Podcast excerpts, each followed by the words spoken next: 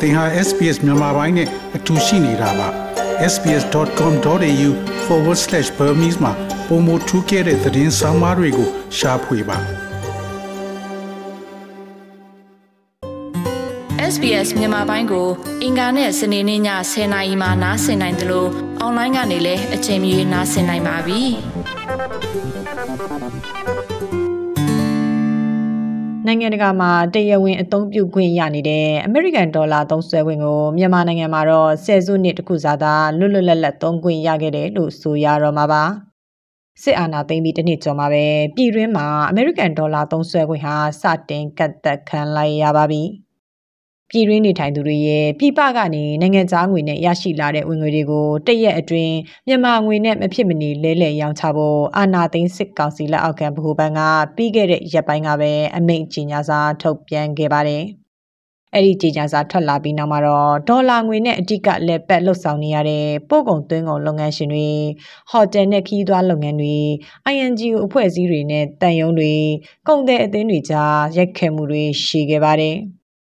ပြည်ပကိုတင်ပို့နေတဲ့အထည်ချုပ်လုပ်ငန်းရှင်တူကတော့ကြေညာချက်ထွက်ပြီးရပ်ပိုင်းအတွင်းမှာရင်ဆိုင်ရတဲ့ခက်ခဲကိုအခုလိုပြောပါတယ်ကျွန်တော်တို့အိမ်ပို့လုပ်နေတဲ့လူကတော့အဓိကနိုင်ငံသားငွေရနေတာပေါ့။ဒါပေမဲ့နိုင်ငံသားငွေရတာကိုသူကသတ်မှတ်တဲ့ဈေးနဲ့ဟိုလဲလေဆိုတာကျွန်တော်တို့ဘာမှလောရတက်ကြမရှိပါဘူး။ဒါနိုင်ငံတကာမှာလည်း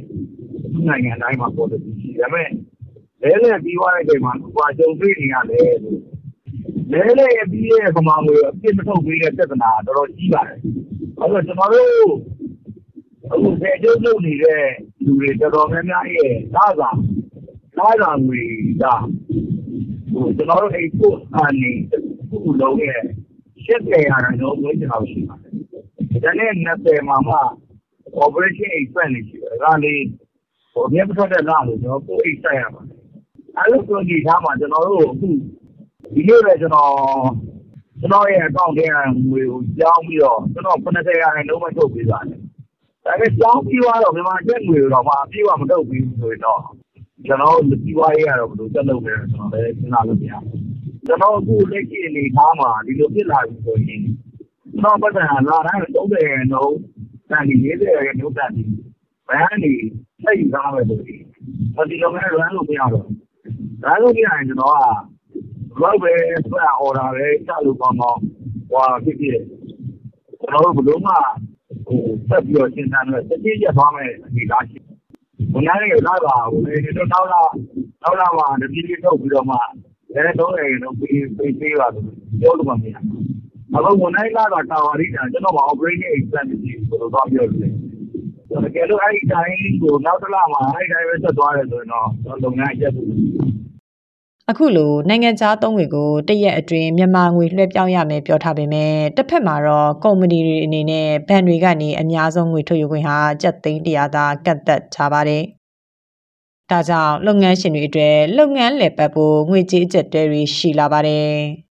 ဂျပန်တန်ယုံနဲ့စင်ကာပူတန်ယုံတို့ကတော့ဗဟိုဘဏ်ရဲ့ညွှန်ကြားချက်ကြောင့်မြန်မာနိုင်ငံမှာယင်းနှိမ့်မြုပ်နှံလုပ်ကိုင်နေတဲ့နိုင်ငံခြားကုမ္ပဏီတွေအားလုံးကြီးမားတဲ့စိန်ခေါ်မှုတွေနဲ့ရင်ဆိုင်ရနိုင်ပြီးလုပ်ငန်းဆက်လုပ်နိုင်ဖို့အခက်အခဲတွေဖြစ်လာစေနိုင်တာကြောင့်ကင်းလွတ်ခွင့်ပေးဖို့တောင်းဆိုထားပါတယ်။စစ်ကောင်စီလက်အောက်ခံဗဟိုဘဏ်ကဒေါ်လာငွေဝင်ရောက်မှုတွေသုံးဆွဲခွင့်တွေကိုကတ်တလာတာအခုမှမဟုတ်ပါဘူး။ နိုင်ငံခြားသုံးဝင်ဝင်ရောက်မှုပမာဏများရင်များသလိုစီစစ်တာငွေထုတ်မပေးတာတွေကိုအာဏာသိမ်းပြီးကတည်းကလှုပ်ဆောင်နေတာပါဒါကြောင့်နိုင်ငံတကာအဖွဲ့အစည်းတွေရဲ့ထောက်ပံ့ငွေတွေနဲ့အဓိကလှုပ်ဆောင်နေရတဲ့ INGO အဖွဲ့အစည်းတွေမှာပါငွေကြေးလက်ပတ်မှုအခက်အခဲတွေကိုပြီးခဲ့တဲ့နှစ်မကုန်ခင်ကတည်းကရင်ဆိုင်နေကြရပါတယ်။အခုလိုကန့်သက်ချက်တွေတရားဝင်ထွက်လာတဲ့နောက်မှာတော့အလုတ်ဆက်လုပ်နိုင်မှုတောင်စိုးရိမ်လာတယ်လို့ INGO ဝန်ထမ်းတဦးဖြစ်သူကိုမျိုးကဆိုပါတယ်။ စမ်းသပ်ကာလာလည်းမရှိဘဲနဲ့ဟိုကမန်းကနန်းထွက်လိုက်တာဆိုတော့ဒီဒီကာလာလေးတစ်ခုတော့ဟိုပေါ့ထားနေကြတယ်ကိုလေပညာပေးဆိုပညာပေးကာလာပေါ့ဒီဒီစမ်းသပ်တဲ့ကာလာလေးထားနေကြတယ်နောက်တစ်ခုက category တွေခွဲနေကြတာပေါ့လေဟို level တွေခွဲနေကြတာပေါ့ဟိုဒါစီးပွားရေးလုပ်တဲ့သူတွေလားခုနပြောတဲ့ကျွန်တော်တို့ဒီခုနပြောလာတာသားတွေအတွက်လားဆိုတာမျိုးပေါ့ကင်းလို့ဟိုတချို့တိုင်ယုံတွေကကင်းလို့ခွင့်တင်တယ်လို့ပဲကျွန်တော်တို့ဒီဒီပေါ့ UN ဝန်ထမ်းတွေ INGO ဝန်ထမ်းတွေဒီဒေါ်လာရတဲ့ဝန်ထမ်းတွေကိုလည်း ကင်းကင်းလို့ကင်းလို့ခွင့်ရရင်တော့ပိုကောင်းတာပေါ့နော်ဒါကို trade လုပ်နေတာဟုတ်ဒီဒီဒီဒီဝင်ငွေပေါ်မှာကျွန်တော်တို့အကျိုးမြတ်ဖြစ်အောင်ဟိုကစားနေရမဟုတ်တဲ့ဟို class အတွက်ဆိုရင်တော့ကျွန်တော်ဒီဒီဟာကြီးကဟိုကင်းလို့ခွရစေခြင်းရစေခြင်းတယ်ပေါ့ဗျာ ပြည်ရင်းနေထိုင်သူတွေအနေနဲ့ဒေါ်လာငွေကိုမြန်မာကျပ်ငွေအဖြစ်တရက်အတွင်းလဲလှယ်ရမှာလဲနိုင်ငံခြားသုံးငွေများရောင်းဝယ်ဖောက်ကားသည့်လုပ်ငန်း authorized dealer license AD license ရဘဏ်တွေမှာသာပြန်ရောင်းရမှာပါအဲ့ဒီလိုရောင်းရမှာအမေရိကန်ဒေါ်လာကိုမြန်မာကျပ်ငွေ1850နဲ့ရောင်းချရမှာဖြစ်ပြီးဈေးနှုန်းအပြောင်းလဲရှိရင်ထပ်မံညွှန်ကြားမယ်လို့လည်းဗဟိုဘဏ်ကဆိုထားပါတယ်။ နောက်ဆက်တွဲတက်ရောက်မှုတွေအနေနဲ့ပို့ကုန်သမားတွေအတွက်ဘဏ်အကောင့်နဲ့ရောက်လာတဲ့နိုင်ငံခြားငွေတွေကိုမူလတွက်ချက်ထားတဲ့ဒေါ်လာ2050ကျပ်နှုန်းကနေ1850ကျပ်နဲ့လျှော့ရောင်းရတာကြောင့်10.8ရာခိုင်နှုန်းဆုံးရှုံးတဲ့အခြေအနေရှိလာပါတယ်။ပြည်ပကိုတင်ပို့ရောင်းချတဲ့ဆန်၊ဇကွဲ၊ပဲမျိုးမျိုး၊ပြောင်းရေထွက်ကုန်ရောင်းချသူတွေအနေနဲ့အခုရက်ပိုင်းမှာဈေးနှုန်းမတည်ငြိမ်ပဲအတက်အကျကျန်းတာတွေရှိနေတယ်လို့ဈေးကွက်ကနေသိရပါတယ်။ ဒီလိုတက်ရောက်မှုတွေဟာနိုင်ငံခြားသုံးငွေကန့်သက်ချက်ကိုအချိန်မယူဘဲအခုလိုရုတ်တရက်ပြောင်းလဲလိုက်တာကြောင့်ဖြစ်တယ်လို့စီးပွားရေးပညာရှင်တူကသုံးသပ်ပြောဆိုပါတယ်။လောလောဆယ်ရေလိုမှာတော့အခုဒေါ်လာသေးဒေါ်လာသေးနဲ့နံပါတ်1ကရေလိုမှာတော့ဟိုဟိုဟိုဒေါ်လာဈေးကမောက်မှဖြစ်တာနံပါတ်1ပေါ့နော်။နံပါတ်2ကတော့အခုသူတို့အများပြောနေကြဒီ ဒီဒီအဲဟို export export earning နေပေါ့နိုင်ငံရဟိုပြပဖို့ကိုရငွေရဟို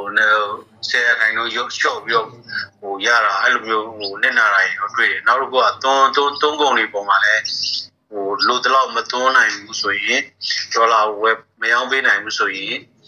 ဟိုသုံးကုန်သမားတွေအတွက်လည်းဒုက္ခရောက်လာဟိုတော့ဟိုသုံးကုန်ဈေးနှုန်းတွေလည်းတက်လာမယ်ဆိုတော့ရေး ရေးတုံးမှာအဲ့သုံးခုဟိုတွေ့နေရအခြေအနေသုံးမျိုးပေါ့နော်ဒါဒါကြောင့်မို့လဲနိုင်ငံကဒါရုံးတွေကနေပြီးတော့မှဒီကိစ္စကိုပြန်လဲဟိုပြန်လဲဟိုတက်ညာဝင်ပေးဖို့ဆိုပြီးတော့တာယုံ၄၅ရုံးက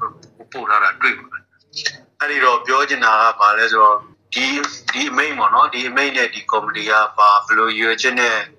ဒီဘာဟိုဖြစ်စေချင်တာလဲဆိုတော့ဟိုဟို objective မပါလာတော့ဘာဘာဘာဖြစ်လို့လဲဆိုတော့ဟို မသိရတော့ခါကြတော့ဟိုဟာတုံးတာဖြစ်နေတယ်ပေါ့နော်ခေါ်တခြားရှာတခြားဖြစ်နေမှာပေါ့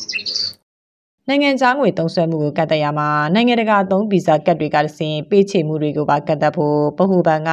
မနေ့ကပဲနောက်ထပ်ကြေညာချက်တွေထပ်ထုတ်ပြန်ခဲ့ပါတယ်။အဲ့ဒီကြေညာချက်အရငွေထည့်သုံးရတဲ့ Visa Debit ကတ်နဲ့ကြိုသုံး Visa Credit ကတ်တွေကိုငွေသုံးစွဲခွင့်ပမာဏထပ်ဝက် short ချကန်တက်လိုက်တာပါ။ အရင်ကတစ်လမှာအများဆုံး American Dollar 9000အထိထည့်သုံးလို့ရတဲ့ International Prepaid Card ဟာအခုဆိုရင်ဒေါ်လာ2500အထိသာသုံးစွဲခွင့်ရတော့မှာပါ credit card တွေဆိုရင်လည်းအရင်ကတစ်လအများဆုံး750ထုတ်ယူသုံးစွဲခွင့်ကနေအခုဆို25သိန်းသာအမြင့်ဆုံးသုံးစွဲခွင့်ရတော့မှာဖြစ်ပါတယ်။ ဒီထုတ်ပြန်ချက်ကိုဗဟိုဘဏ်ကဧပြီလ9ရက်ရက်စွဲနဲ့ထုတ်ပြန်ခဲ့တာဆိုပေမဲ့ဒက်ဘစ်ကတ်တဲ့ဒေါ်လာငွေထည့်ကျင်သူတွေကိုဘဏ်တွေကလုံးဝထည့်သုံးစွဲခွင့်မပေးထားတာပြီးခဲ့တဲ့တစ်ပတ်ထဲကလို့သုံးစွဲသူတွေထံကသိရပါတယ်။ဒီလိုကတ်သက်ချက်တွေကြောင့်နိုင်ငံခြားသုံးငွေကိုကတ်နဲ့ပေးချေရမယ့်လုပ်ငန်းတွေ digital marketing လုပ်ချင်သူတွေ Facebook boost လုပ်ဖို့ website အကောင့်ဝယ်ဖို့တက်တန်းတိုးဖို့စတာတွေကအစားအခက်အခဲဖြစ်နေကြရပါတယ်။ digital marketing လုပ်ငန်းလုပ်ကိုင်နေသူအမျိုးသမီးတူကလည်းလက်ရှိဒီဗဟိုဘဏ်ကနေပြီးတော့ဗောနော်ဒေါ်လာနိုင်ငံခြားဝင်ငွေနဲ့ပတ်သက်ပြီးတော့ကန့်သက်ချက်တွေကကြတော့ညီမတို့ဒီ digital marketing သမားတွေအနေကအဓိကက advertising ကိုမိခိုနေရတဲ့အတွက်ကြောင့်မလို့သူတို့ရဲ့ကန့်သတ်မှုတွေမှာညီမတို့အရန်လောက်ရတာဘောင်ကျင်းသွားတယ်ပေါ့နော်အာနာသိန်းစတဲ့ကဒီ digital marketing မှာကအဲလောက်ရကိုင်ရတာတွေကအရန်ကိုအ ခက်ခဲကြားရဲရောက်ပြီးတော့အာဘယ်လိုပြောဘယ်လိုပြောမလဲအချက်တဲ့အရန်ဖြစ်ခဲ့တယ်ပေါ့နော်ပြီးတော့ဒီနောက်ပိုင်းတဖြည်းဖြည်းမှာလည်းဘိုဟိုဘန်ကနေပြီးတော့ဒီနိုင်ငံခြားငွေထိန်းချုပ်လိုက်တဲ့အတွက်အာဘယ်လို post လုပ်တဲ့ကဏ္ဍတွေပေါ့နော်ညီမတို့အဓိက page လုပ်တဲ့ကဏ္ဍတွေမှာညီမတို့ရဲ့ဒီ digital marketing marketer တွေရဲ့ဒီ KPI တို့စသည်ဖြင့်ပေါ့နော်ညီမတို့သွားမယ်စံနှုန်းတွေမှာအရန်အနှောင့်အယှက်ဖြစ်ပြီးတော့အာတော်တော်ပြဿနာဖြစ်နေပါတယ် မြန်မာနိုင်ငံမှာစစ်ကောင်စီကကန့်သက်နေတဲ့အခုလိုနိုင်ငံခြားသုံးငွေအပါအဝင်ငွေကြေးဝန်ဆောင်မှုတွေဟာနိုင်ငံတကာမှာဆိုပြည်သူတွေသုံးစွဲကျင်လာအောင်အပြိုင်ဆိုင်ဖိတ်ခေါ်နေတဲ့ဝန်ဆောင်မှုအမျိုးအစားတစ်ခုထဲမှာပါဝင်ပါတယ်။ဒါပေမဲ့မြန်မာပြည်သူတွေအတွက်တော့တရက်ပြီးတရက်တိုးလာနေတဲ့ကန့်သက်ချက်တွေကြားကိုယ်ငွေနဲ့ကိုယ်စီးပွားရှာဖို့တောင်ခက်ခက်ခက်ခဲရုန်းကန်နေရတဲ့အနေအထားကပိုဆိုးရွားလာနေတာပါ ဒီကန့်သက်ချက်တွေချုပ်ငြိမ်းပြီးနိုင်ငံတကာနီးတူအခွင့်အရေးတွေရရှိဖို့လွတ်လပ်စွာငွေကြေးစည်းစိမ်ခွင့်ပြည့်စုံတဲ့ဝန်ဆောင်မှုတွေနဲ့နေထိုင်ရဖို့ဆိုတာဟာမြန်မာပြည်သူတွေအတွက်ຫນွေဦးတော်လှန်ရေးအောင်နိုင်ရေးအလွန်မျှော်လင့်ချက်တွေတဲကတစ်ခုအဖြစ်ထပ်တိုးပါဝင်လို့လာနေပါတယ်ဒီသတင်းဆောင်မကိုတန်လွင်ခက်ကပေးပို့ထားတာဖြစ်ပါတယ် SBS Radio App ကို download လုပ်ပြီးနားဆင်မှတ်ချက်ပြုနိုင်ပါတယ်။ ဒါရိုက်သို့မဟုတ်အချိန်မြေးနားဆင်နိုင်ပါပြီ။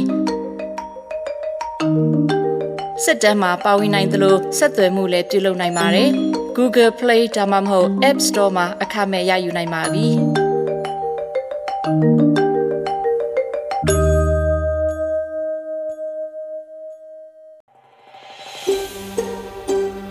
ဒါမျိုးသတင်းဆောင်မတွေကိုပိုနားဆင်လိုပါလား Apple Podcast Google Podcast Spotify တို့မှာသင်ပင်ရာဖြစ်ဖြစ်ရယူတဲ့ podcast ကနေပါ